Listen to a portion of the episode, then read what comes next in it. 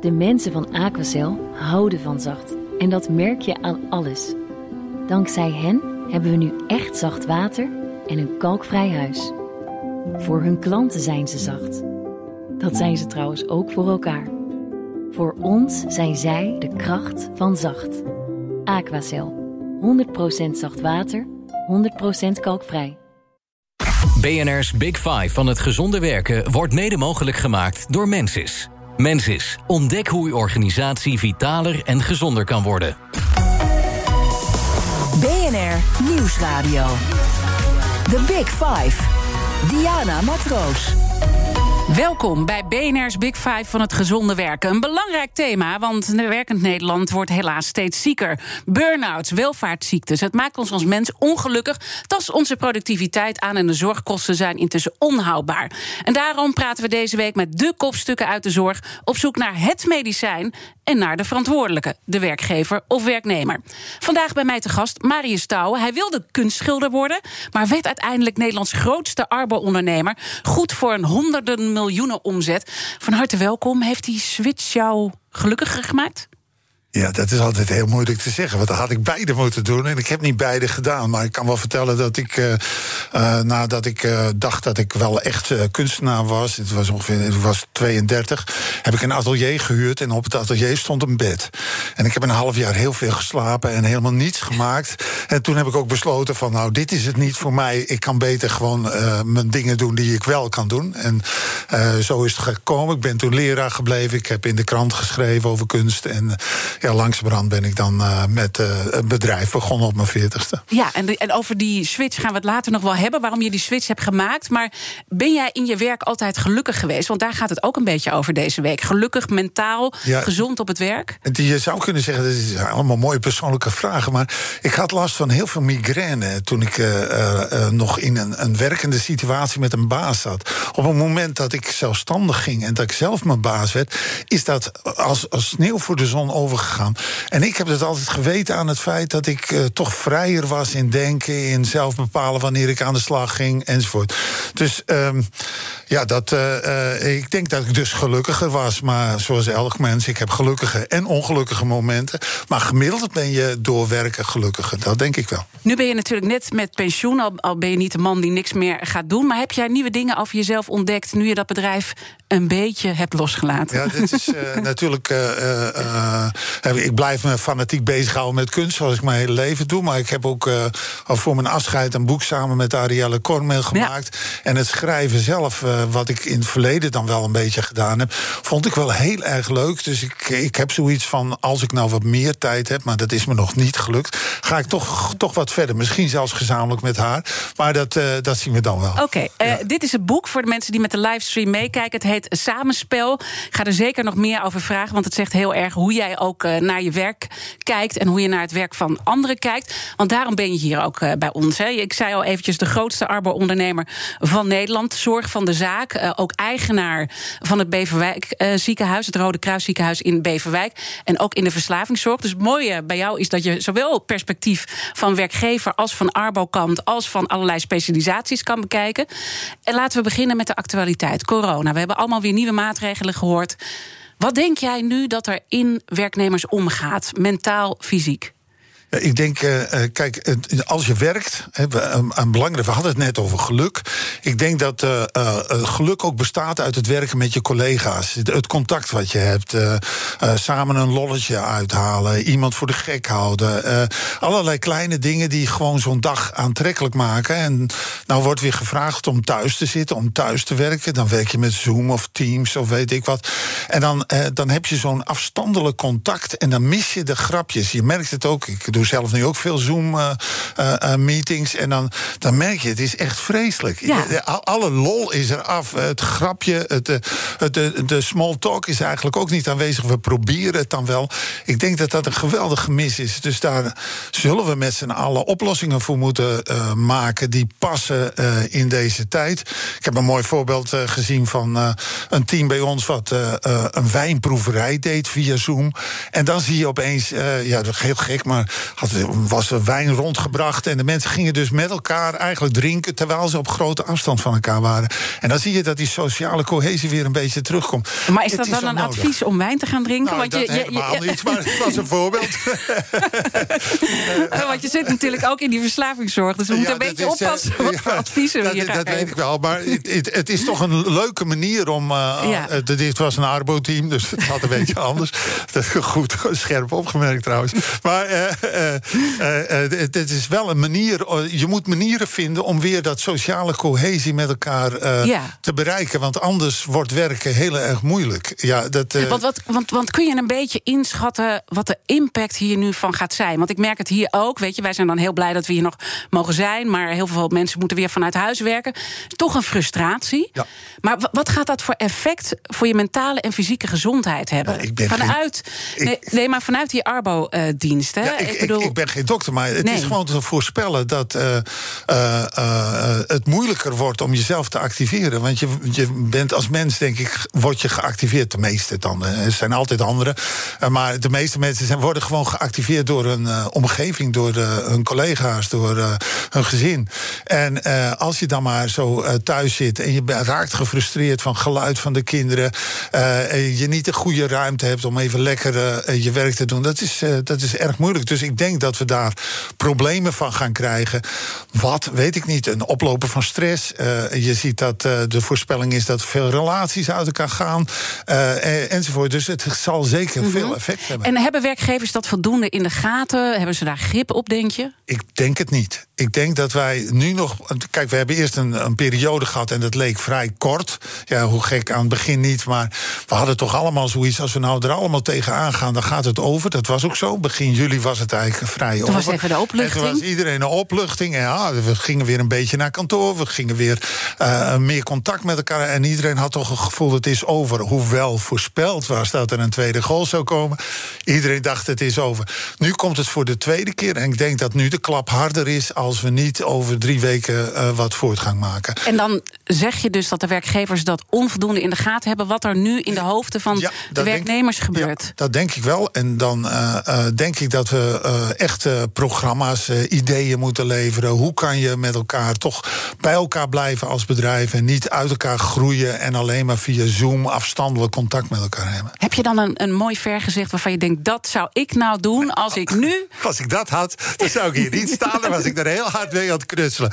Maar ik heb wel een, een, een, een vergezicht dat we vooral moeten kijken naar eh, MKB. Eh, in het MKB zie je dat dat eh, makkelijker gaat. Nou hebben die soms het geluk dat ze gewoon praktisch werk hebben. Dus toch bij elkaar komen, ondanks corona. Dus dat is dan een voordeel. Maar je ziet dat, dat daar de, de, de, het contacten veel meer persoonlijk zijn. En je ziet dus ook, daar is minder ziekteverzuim. Daar is, wordt Ja. meer bewogen waar we het over hebben. Daar, daar gaat het beter. Dus wij moeten het MKB echt promoten in Nederland. En, en voorzichtig zijn dat niet alle regelingen gaan naar hele grote bedrijven. Ja. Eh, want eh, het MKB is onze motor. En die geven eigenlijk een goede voorbeeld. Dus En is dat dan de communicatie? Wat, wat het MKB beter doet met de mensen? Nee, ik, want, nee. want sommige MKB'ers kunnen helemaal niet communiceren. Dus, nee, het is gewoon het gevoel dat je met elkaar bent. Gewoon, we, we, zitten, we, we zijn met elkaar met een klus bezig. En eh, eh, daardoor is er een eh, ander soort contact. En zodra je dus zoveel uit elkaar gaat... en zelfs al werk je samen in een document... nou, we hadden het net over het boek. Wij hebben het niet gered om alleen maar via Zoom... of met elkaar zoiets samen te maken. Moet je elkaar ook fysiek zien. En dan moet je met elkaar praten. Dan praat je ook Ja. over andere dingen. Dan En als je dit nu allemaal zo zegt, hè, dat, dat dit echt niet goed gaat... en dat werkgevers ook niet de grip erop hebben... hebben we dan in Nederland de goede keuzes gemaakt... om de zorg voor corona eh, boven alles te zetten... boven de economie, boven alle spanningen... die dit nu bij mensen teweeg brengt? Want je, je kan het ook vanuit het perspectief van het Rode Kruisziekenhuis Ja. bekijken natuurlijk. Ja, maar goed, eh, vanuit het Rode Kruis ziekenhuis weten we natuurlijk wat er gebeurt met patiënten die echt corona hebben. En dat is niet mals. Dus ik denk zelf dat eh, we dan toch de zorg boven de economie moeten laten gelden. Dat dat van groot belang is. Ondanks alle negatieve effecten aan de andere kant. The Big Five. Diana Matroos. Je luistert naar BNR's Big Five van het gezonde werken. Later deze week spreek ik onder andere staatssecretaris Paul Blokhuis en psychiater Damien Denis. Maar vandaag bij mij is te gast, zoals jullie horen, succesvol zorgondernemer Marius Stouwen. We hebben de actualiteit al even benoemd, de grote problemen die daar al spelen en nog meer op ons afkomen. Even los van corona. Hoe gaat het nou met werkend Nederland? Want we zien burn-outs die toenemen, we zien allerlei welvaartsziektes, overgewicht, verslavingen. Wat, wat is jouw visie?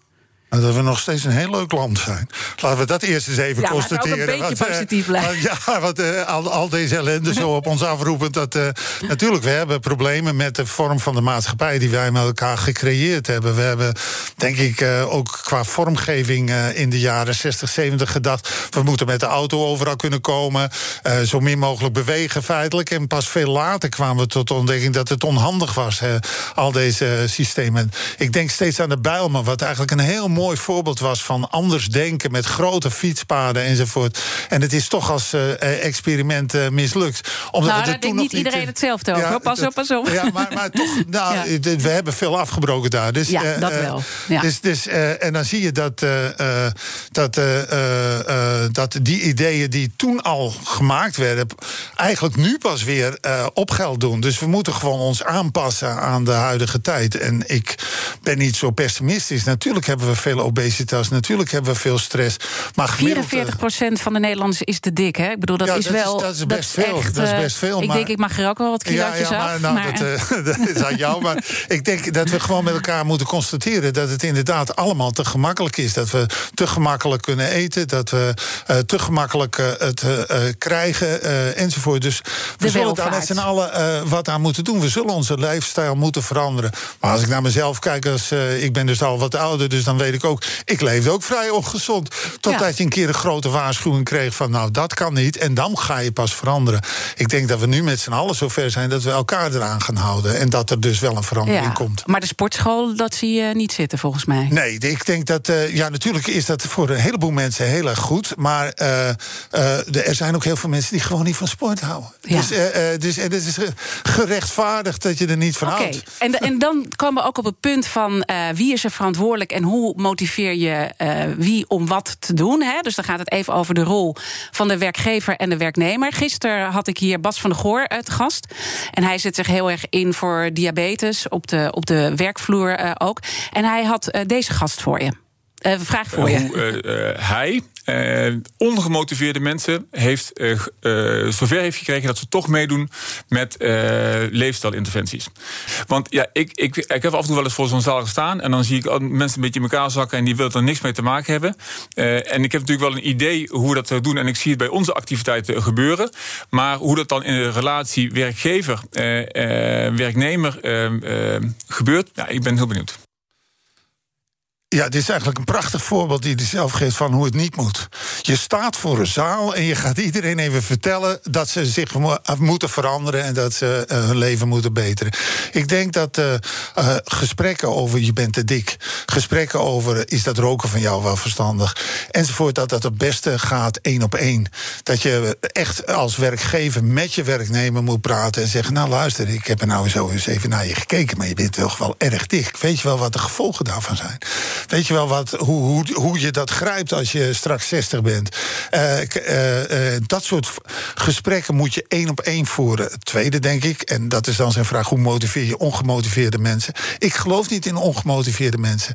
Iedereen, jij zei het zelf al, ja. je gaf al een beetje aan van: ja, ik vind mezelf een beetje te dik. Dus dan zouden wij gewoon met elkaar moeten gaan zitten. En dan moeten we zeggen: goh, dat vind je. Wat zijn je belemmeringen om er wat aan te doen? Hoe kan ik je helpen?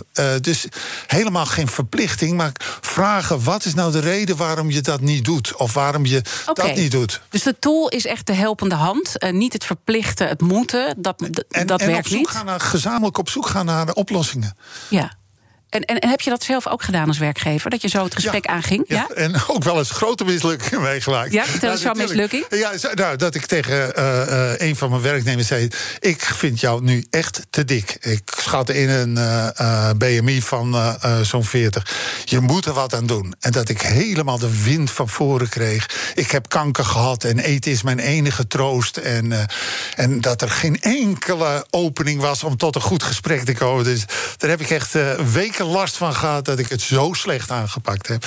Dus vanaf die tijd, vanaf dat gesprek, heb ik wel ontdekt dat je voorzichtiger moet gaan vragen. Goh, uh, je bent wat aan de dikke kant. Uh, kunnen, kunnen we er wat aan doen? Wat vind je dat ik moet doen? En dan zie je dat je veel meer succes hebt. En dan krijg je ook dat verhaal te horen wat er eigenlijk achter zit. Want dat is belangrijk om daar achter te komen. En, ja, als je dat verhaal gehoord hebt, dan weet je ook waarom mensen niet willen bewegen of waarom ze bepaalde dingen niet willen. Soms is het ook gewoon uh, troost eten. Ja, dan Moet, je, moet je niet gelijk beginnen met uh, een dieetje of zo. Dan moet je even, waar, waar heb je eigenlijk die troost voor nodig?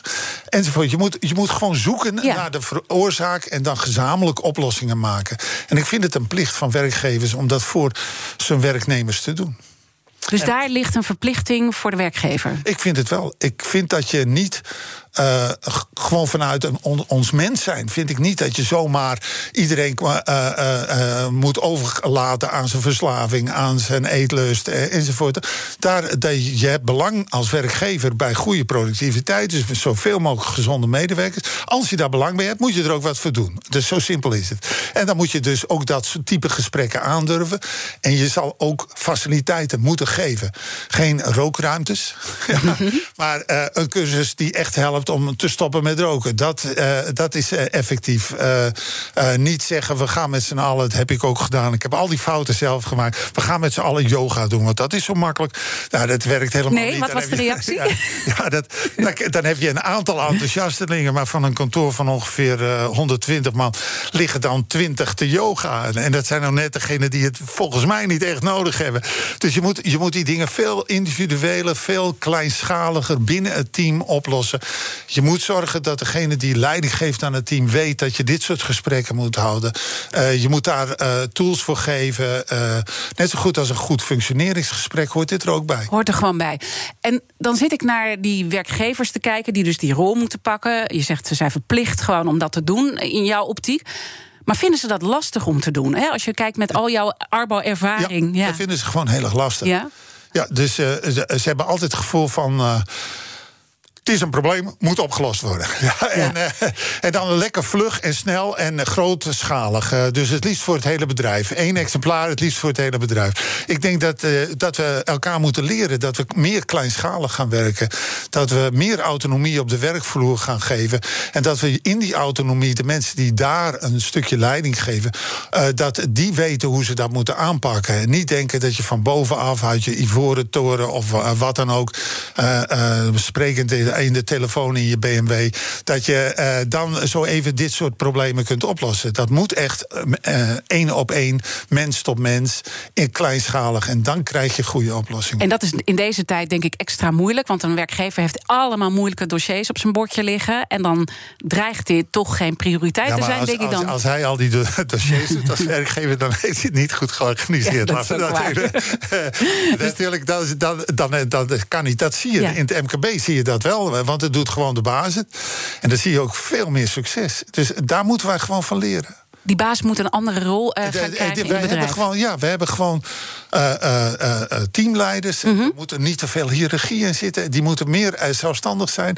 En ik denk dat als ze dat zijn, dat je dan veel verder komt mm -hmm. in het terugdringen van verzuim, maar ook mm -hmm. in het terugdringen van ongezonde leven. Maar is dat echt zo? Want ik hou bijvoorbeeld erg van zelfstandigheid. En daarom ben ik ook al heel wat jaren ZZP'er. Maar er zijn ook mensen die dat helemaal niet fijn vinden. En het geeft ook wel best een druk hoor, om ZZP'er te zijn. Dan kan ik ook erbij zeggen. Dus dat zelfstandig, leuk, autonomie. Nou. Nee, maar kijk, het is, uh, het is een veilige autonomie als je dat doet in een bedrijf. Dat is relatief veilig, want je hebt wel een vast salaris. Je hebt wel, uh, je, komt gewoon elke maand. Dus je, maar je mag meer zelfstandig besluiten met elkaar over hoe je het werk aanpakt, hoe je de tijd indeelt, hoe je met elkaar omgaat. Dat hoeft niet hetzelfde te zijn als de buren. Dat is niet. Mm -hmm. de, dus je andere team die naast je zit. Je mag gewoon zelfstandig invulling geven aan hoe je dat met elkaar doet. En dan zie je dat mensen opbloeien. Maar natuurlijk, mensen die echt zelfstandig willen zijn, zelfs ZZP'ers, die werken niet in een bedrijf. Die, die zijn het zelf. Ja, dus dat is, weer een andere, dat is weer een andere bloedgroep. Dus die moet je ook niet uh, met elkaar vergelijken. Uh, je, je vindt dus best wel veel zaken die horen bij die rol van die werkgever thuis. Die heeft een verplichting om dat gesprek actief aan te gaan, één op één. Maar wat is de verantwoordelijkheid van de werknemer zelf als het gaat om fysiek en mentaal gezond zijn? Ja, natuurlijk ben je uiteindelijk verantwoordelijk voor jezelf. Ja. Dat, is, dat is nooit een ander. Dus, dus laten we daar helder over zijn. Dus je bent altijd zelfs verantwoordelijk voor jezelf. Maar verantwoordelijkheid eh, hebben en er goed gebruik van maken, dat is een klein verschilletje. Dus vaak heb je toch hulp van een ander nodig die je even in de ogen kijkt en zegt: eh, Is dit nou wel goed? Eh, ik heb het in mijn eigen leven meegemaakt dat iemand dus tegen mij zei: Nou, als je niet gaat trainen, dan gaat het nou fout. Ja, dan, dan, dan ben je gemotiveerd om weer aan de slag te gaan. Dus ik denk eh, dat, dat we altijd eh, eh, incentives van anderen nodig hebben op een enkele Maar je uitzondering. moet wel duwen. Je moet, je moet, Je, je moet gewoon met elkaar erover hebben en dan moet je het erover praten. Ja. Kijk, het is veel gemakkelijker om met z'n allen thuis te zeggen: wij eten wat minder vlees. Dan als één dat zegt. Dan, dan lukt dat niet. Dus, dus je moet gewoon dat soort gesprekken moet je met elkaar voeren. We gaan eh, straks met elkaar eh, verder praten. En dan eh, gaan we ook even de politiek erbij pakken. Want kan de politiek werkgevers ook verplichten om werknemers nog meer mee te nemen in de gezonde levensstijl? Wat zijn de grenzen? We gaan er zo over praten. Tot zo. BNR Nieuwsradio. The Big Five. Diana Matroos.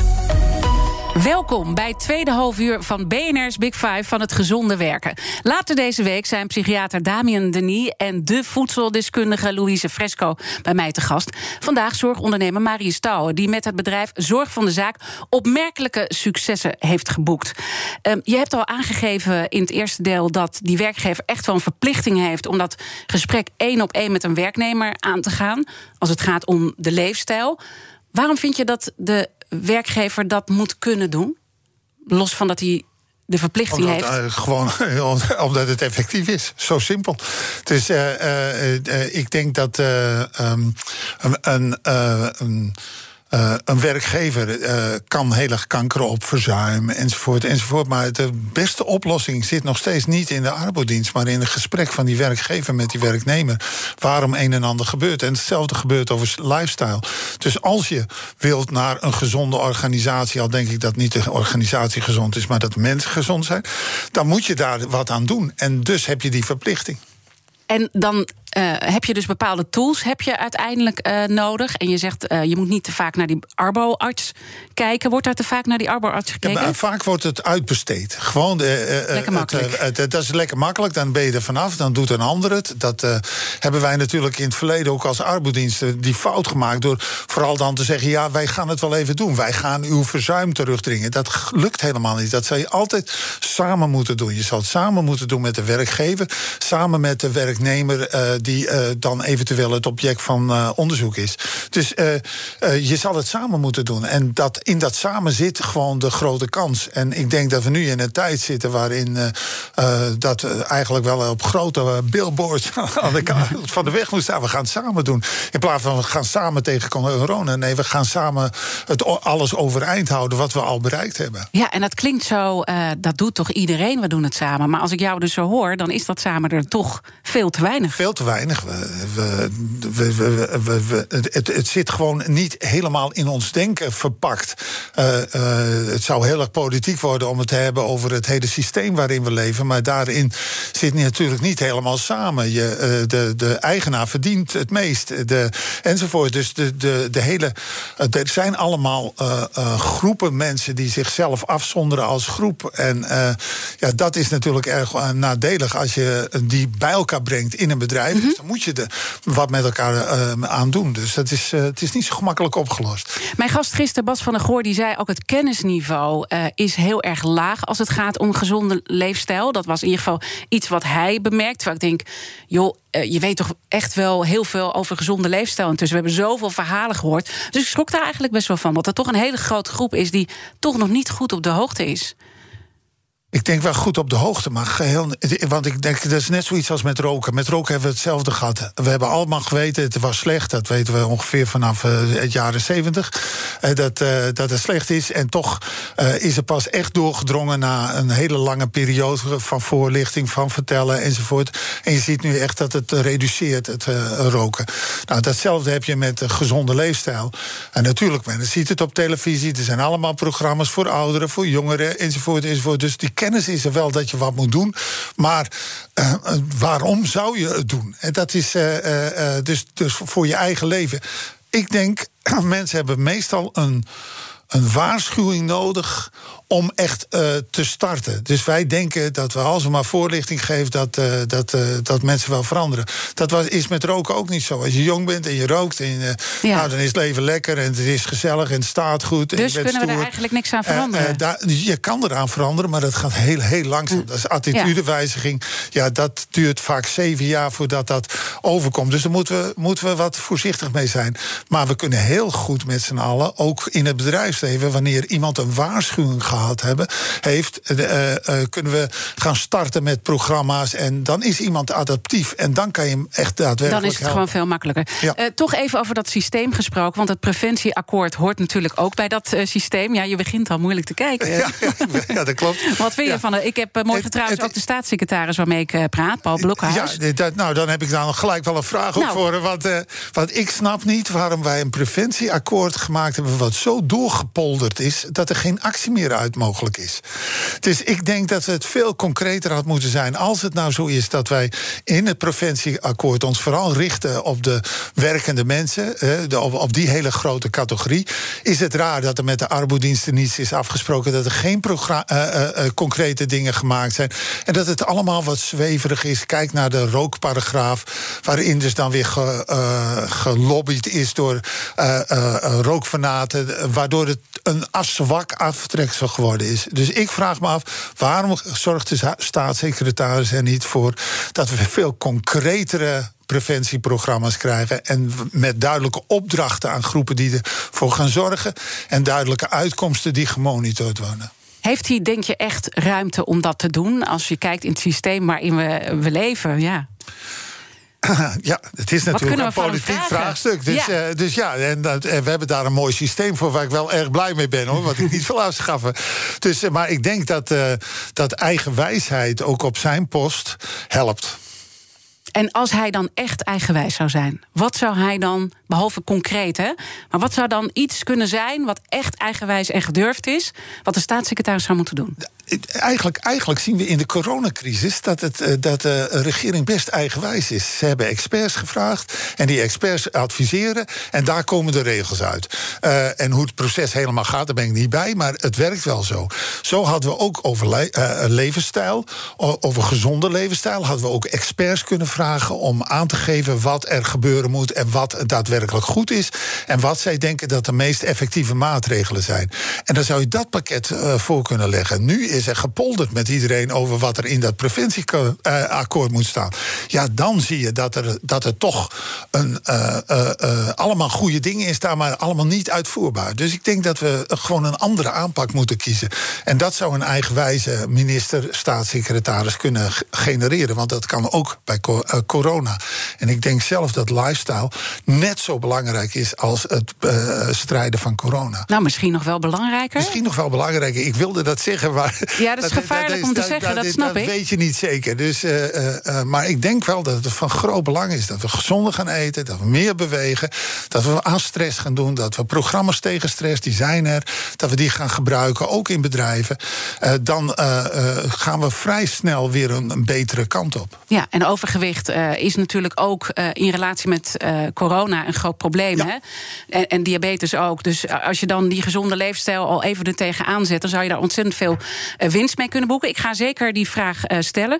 Ik zit ook even te denken: zou uh, de staatssecretaris ook zo kunnen regelen dat de werkgevers meer macht krijgen? Of misschien zeg je dat moeten we helemaal niet doen, dat die werkgevers meer macht krijgen om werknemers te verplichten om gezonder te gaan leven? Nee, ik denk, ik denk als zodra je gaat verplichten, en dat heb ik zelf ook, je zegt dat, er, uh, dat je niet door rood mag rijden, dan heb ik toch de neiging dat te doen. Ik ben zo braaf om het niet meer te doen. Maar uh, kijk, als, als loper, als fietser, heb ik daar toch nog steeds de neiging uh, toe. Dus ik denk als we iets gaan verplichten, dat het veel moeilijker gaat. We moeten gewoon met elkaar erover praten. Dat is het enige. En ik denk ja, dat we praten, zelfs. Dan denk ik ook weer, dan wordt het ook weer polderen natuurlijk. Het, het, het wordt altijd één op één een je beetje moet eigenwijs zijn, zei Ja, je, je moet wel eigenwijs zijn. Dus, dus je moet het durven. En nu durven we het niet en wachten we totdat er een regel is en dan ja. durven we het pas. We moeten het omdraaien. We moeten gewoon als werkgever zien dat het onze plicht is en dan moet je ermee aan de slag. En kan je het niet, vraag dan hulp. Ja, maar heeft de werkgever ook rechten? Want ik bedoel, we weten allemaal dat nou ja, vijftigers met uh, overgewicht worden een groot probleem. Uh, verslavingen zijn een groot probleem. Die werkgever heeft er gewoon ook last van. Ja, ik denk ook dat hij vanuit dat recht best wat mag zeggen en ook mag handelen. Ik, ik, uh, um, het is gevaarlijk, deze uitspraak. Maar ik, ik durf wel te zeggen, als iemand opzettelijk ongezond blijft leven. terwijl je alles aangeboden hebt om zijn levensstijl te veranderen. en echt in samenspraak geweest bent. dan denk ik dat je ook kan zeggen. Nou, ik denk dat er hier geen plaats meer voor jou is. Want uh, dat is niet goed voor onze organisatie. Ik denk dat dat kan. Maar ja. dat is een heel moeilijke kwestie, want dan komen ja, we weer kom in arbeidsrecht en, uh, ja, enzovoort. Dus, ja, dus daar zou de staatssecretaris natuurlijk wel bij kunnen helpen. helpen. De politiek die zou, zou kunnen die helpen. zou erbij kunnen helpen. Maar ik ben bang dat we vaak te veel regelgeving hebben. Ik ben van de arbodienst, zoals je weet. Ja. Dus wij leven eigenlijk van regels. Maar aan de andere kant denk ik dat het goed zou zijn... dat we bijvoorbeeld niet direct hoeven te ziek melden op de eerste dag. Maar dat we binnen het bedrijf gewoon de kans geven... om zeven dagen het zelf op te lossen. En Mhm. dan pas officieel aanmelden. Dan krijg je een heel andere uh, instelling. Je bent, uh, durft kritisch te zijn. En ik hoop dat je ook een beetje kritisch durft te zijn op de arbodiensten zelf. Want je bent Ja. nu uh, net weg. Hè, dus dan kan je vrij uitspreken. Ja. Oh ja. Uh, er is natuurlijk wel wat kritiek ook op die arboartsen. Dat ze te veel aan de kant van de werkgever staan. En meer voor die werknemer ook moeten staan. Ja, maar dat, dit is zo'n onzin. Als je, als je werkgevers praat, dan zeggen die altijd... van eh, ze zijn er alleen maar voor de werknemers... en de werknemers zeggen ze zijn alleen voor de werkgever. Ik denk dat de ethiek van de arboarts erg hoog is... en dat dit zeldzaam voorkomt. Ja, er is dus niets te verbeteren aan die arboartsen. Eh, Natuurlijk, er is heel veel te verbeteren. Maar dan eh, gaat het over meer know-how, meer kennis. Eh, het is natuurlijk een heel complex vak. wa- Want mensen komen met allerlei kwalen waar ze last van hebben. allerlei redenen. Je moet psychisch eigenlijk goed ingevoerd zijn. Je moet fysiek goed ingevoerd zijn. Dus we zouden een nog veel beter systeem kunnen maken. waardoor de kennis van de eh, versterkt wordt. Ehm, Ja, want er zijn ook heel veel basisartsen werkzaam in de arbodiensten. Terwijl je natuurlijk dus gespecialiseerde Ja. artsen nodig hebt. Maar daar hebben we dan een opleidingssysteem om toch maar iets van eh, vier jaar voor gemaakt, wat belachelijk is. Want eh, dat wat in die opleiding in vier jaar geleerd wordt, zou je mensen heel goed in een half jaar kunnen aanleren. Dan zouden we gecertificeerde artsen hebben. Dan kunnen ze gelijk aan het werk. En eh, toch is het altijd zo dat door ervaring, net zoals een chirurg, door ervaring leer je het vak pas echt goed. BNR Nieuwsradio. The Big Five. Diana Matroos. Je luistert naar BNR's Big Five van het gezonde werken. Mijn gast vandaag is zorgondernemer Marius Touwen. Aan het begin stelden we al vast dat je een hele bijzondere switch in je carrière hebt gemaakt. Dus van de kunst uiteindelijk naar eh, nou ja, de grootste arbodienstverlener van Nederland. En ook eigenaar van het Rode Kruis ziekenhuis in Beverwijk en nog zo wat eh, dingen. Je hebt daar ook in eh, teruggeblikt in dit eh, bijzondere boek, wat ik iedereen eh, kan aanraden om te lezen. Want het zijn mooie reflecties die Arielle Kornmel, als ik haar naam goed uitspreek, en jij samen eh, hebben geschreven rondom jouw eh, vertrek. En daarin vertel je ook over eh, jouw chronische ziekte, dat al heel jong is begonnen. Is dat ook een reden geweest dat je die switch naar de zorg hebt gemaakt? Omdat je dacht, ik moet hier vanuit de ervaring die ik heb iets in betekenen? Nee, dit is andersom gegaan. Dat zou heel erg oneerlijk zijn. Het zou wel heel mooi klinken. Ja, als ik dat doe, verhaal, maar- joh. Maar, maar, dus zo is het niet echt chronisch. Ja, ik heb een heleboel ziektes gehad. Dus dat maakt het een beetje lastig. En pas op mijn eh, vijftigste eh, kwam ik erachter dat het heel slecht met mijn longen ging. Dus dat is wel een heel chronische ziekte. Maar daarvoor heb ik allerlei ziektes gehad... die toch wel langdurig en veel therapie vereisten enzovoort. Dus Als dat, kind veel thuis ja, geweest en, eh, ook. kind ook veel thuis en heel veel gehuild en zo. Was echt zo'n huilertje. Maar goed, eh, dus. eh, eh, en, en ik was gewoon leraar tekenen handvaardigheid. Dat vond ik hartstikke leuk. En heb dat ook met plezier gedaan. Maar op een gegeven moment was het mogelijk om uit het onderwijs te stappen. En daar kreeg je een hele mooie regeling mee. Daar kreeg je drie jaar je salaris uitbetaald. En ik even rekenen thuis met wachtgeld. Nou, dan was ik 63. En dat was voor mij een onbereikbare leeftijd. Ik denk, dan ben ik al lang dood. Dus, eh, dus ik denk, dan ga ik zeilen. Nou, dat is er niet van gekomen. Er is mij gevraagd om een cursus te maken voor langdurig werkelozen.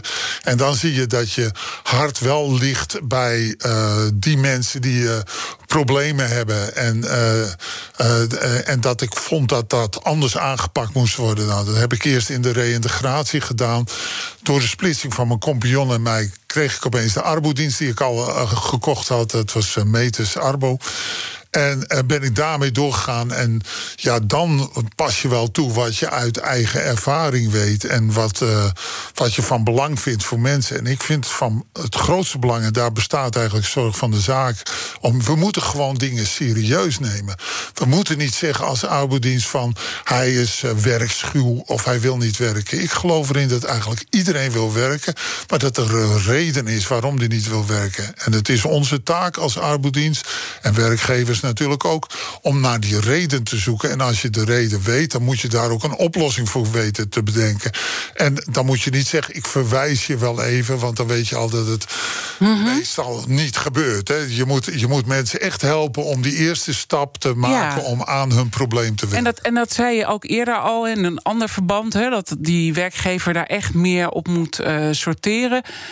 Is het dan zo spannend om dat te doen voor werkgevers, om dat gesprek? Wat, wat is die angst die daartussen zit? In de, in de commercial break zei je ook: ja, ik vind het een lastig onderwerp. Vind je het zelf moeilijk om het erover te hebben? Ja, ik vind het wel moeilijk om het erover te hebben. Want kijk, alle meeste werkgevers zijn echt niet opgeleid om dit type gesprekken te doen. Helemaal niet om gesprekken te doen. Die zijn opgeleid om heel slim te handelen, om een goed product in elkaar te knutselen, om een goede dienst te leveren.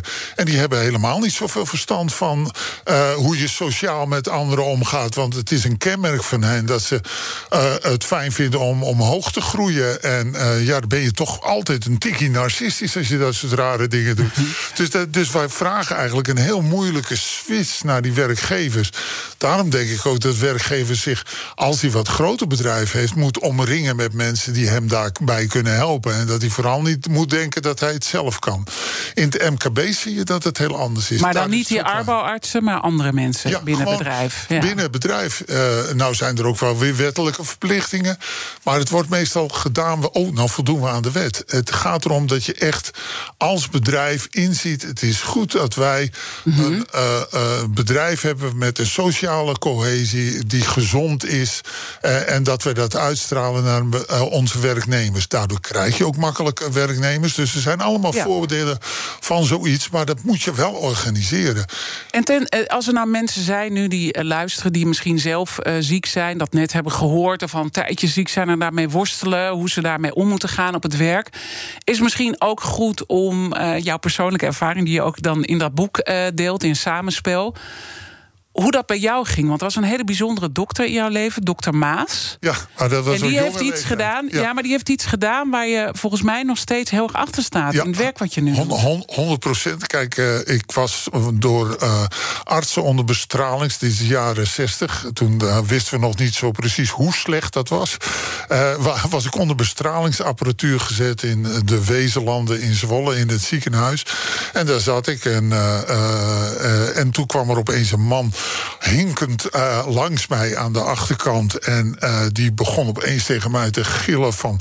wat doet zo'n jonge jongen onder zulke gevaarlijke apparatuur? En die had zoveel autoriteit, had zoveel...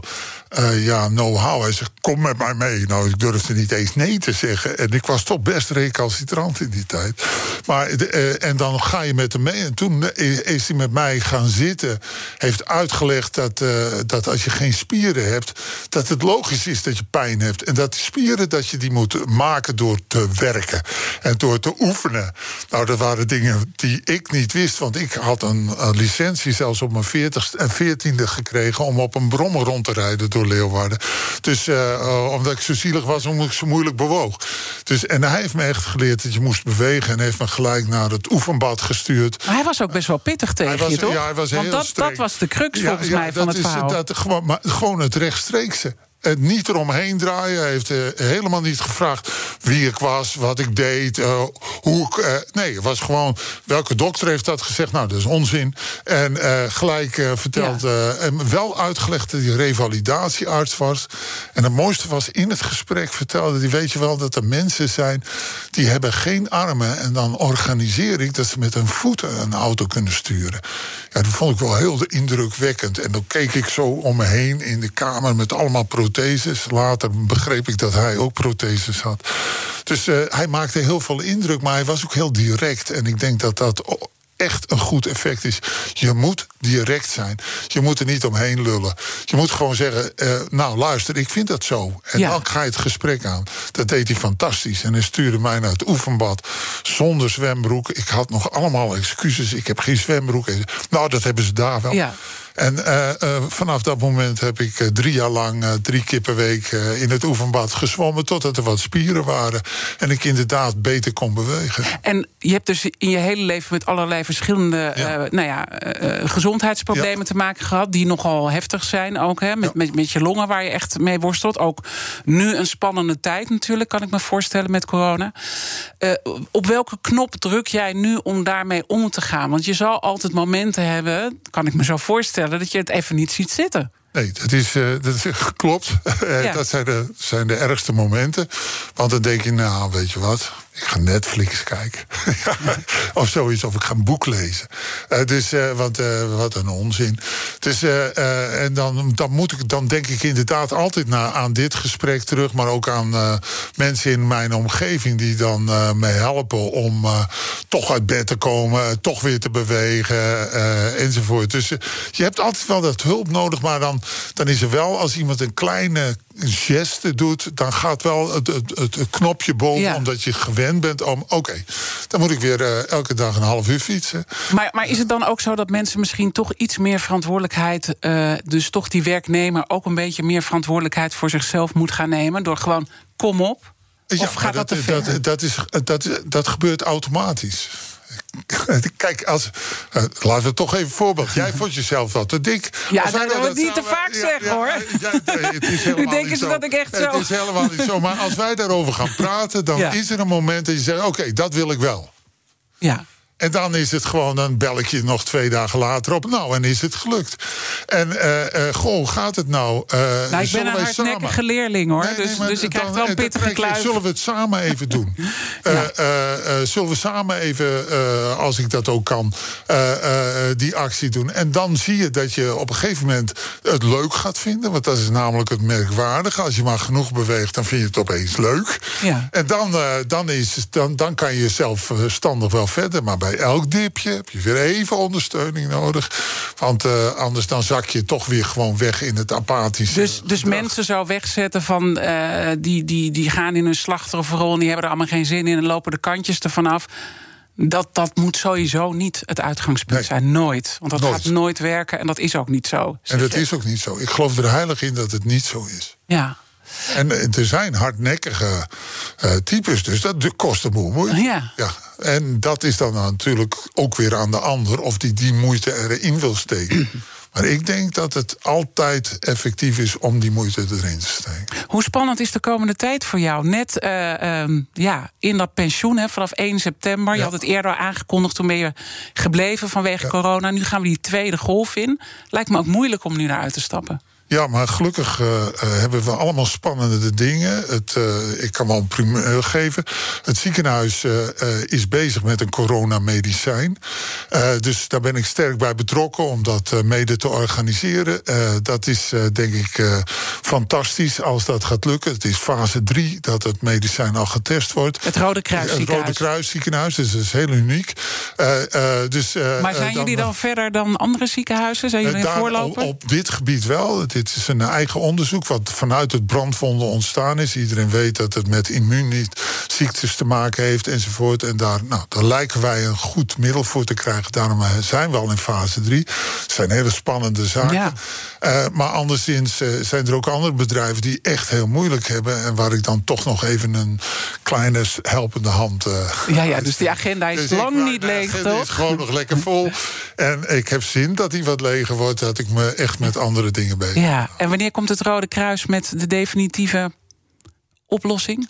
Nou, definitieve oplossing is het niet, maar het is wel een oplossing die waarschijnlijk gaat helpen. En dan moet het onderzoek afgerond worden. Positief, dat is fase 3. Dus er moeten geen vervelende bijwerkingen zijn. En het moet daadwerkelijk beter werken dan een andere therapie. Ja, wanneer verwacht je de Dat afronding? verwacht ik eh, zelf, maar dat ligt aan het aantal patiënten die er zijn in Nederland. Er doen meerdere ziekenhuizen mee. Eh, er zullen 126 patiënten moeten eh, worden onderzocht. Eén groep krijgt placebo, de andere krijgt het Ja. medicijn. Dus eh, dan moeten we wel 126 mensen gehad hebben. Anders dan is Dus dat duurt nog wel dat- even, toch? We moeten ga toch nog nou even niet geduld hebben. Dat lijkt alsof ik fijn vind dat de mensen op de IC terechtkomen. En dat vind ik niet. Nee. Dat eh, vinden we allemaal niet. Ik wil je heel erg danken voor je inzichten over die rol werkgever, werknemer en wat we daar ook eh, zelf persoonlijk allemaal in kunnen doen. Als het gaat om die gezonde levensstijl. Marius Touwen, dank. Natuurlijk zijn alle afleveringen zoals altijd van BNR's Big Five terug te luisteren. Je vindt de podcast in de BNR-app en op bnr.nl. Maar eh, natuurlijk is BNR de hele dag live. Straks Jurgen Rijman, Ask Me Anything. En intussen wens ik iedereen een hele mooie dag. BNR's Big Five van het gezonde werken wordt mede mogelijk gemaakt door Mensis. Mensis, ontdek hoe uw organisatie vitaler en gezonder kan worden. Ontdek hoe uw organisatie vitaler en gezonder kan worden. Samen gezond aan het werk. Lees onze verhalen op fd.nl slash advertorial slash mensis. Hoe maak ik transformatie tot een succes? Kijk op transformaking.com. Wie kan die draaitabel in Excel maken? Uh, Jochem. Zou jij deze Engelse brief willen checken? Vraag het Jochem. Wie zou die nieuwe businesspresentatie kunnen geven? Jochem natuurlijk. Volg net als Jochem voor één vast bedrag onbeperkt online trainingen voor professionals.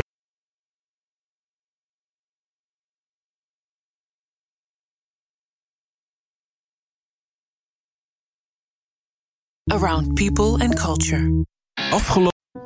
De mensen van Aquacel houden van zacht. En dat merk je aan alles.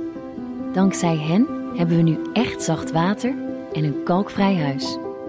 Voor hun klanten zijn ze zacht. Dat zijn ze trouwens ook voor elkaar.